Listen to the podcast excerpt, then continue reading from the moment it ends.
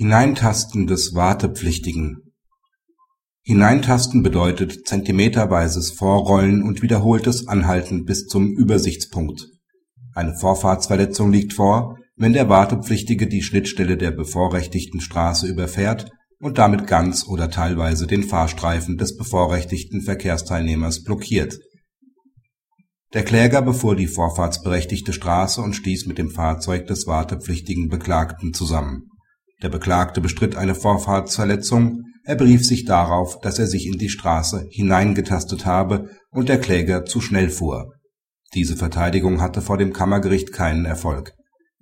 Das Kammergericht weist darauf hin, dass es für ein Hineintasten nicht genügt, wenn der Wartepflichtige bis zu dem Punkt, an dem er sehen kann, ohne Unterbrechung vorrollt und hierbei zumindest teilweise in den Fahrstreifen des Vorfahrtsberechtigten gerät.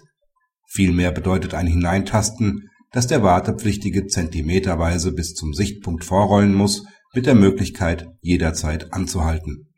Er muss dabei immer wieder anhalten, dann wieder zentimeterweise vorrollen, erneut anhalten, bis er Sicht auf die Vorfahrtsstraße hat.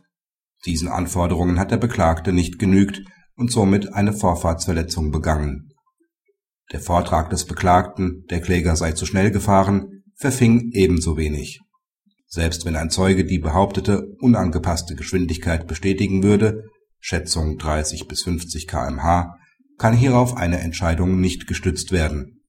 Geschwindigkeitsschätzungen ungeschulter Zeugen ohne Einbeziehung ausreichender Bezugstatsachen sind regelmäßig nicht verwertbar.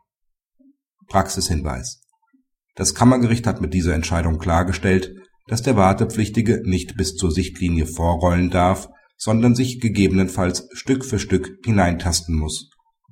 Dies beinhaltet, dass er dann auch zwischendurch anhält. Dieses Anhalten ist erforderlich, damit der Vorfahrtsberechtigte Raum und Zeit hat, seine Fahrweise auf ein Fahrzeug aus der untergeordneten Straße einzustellen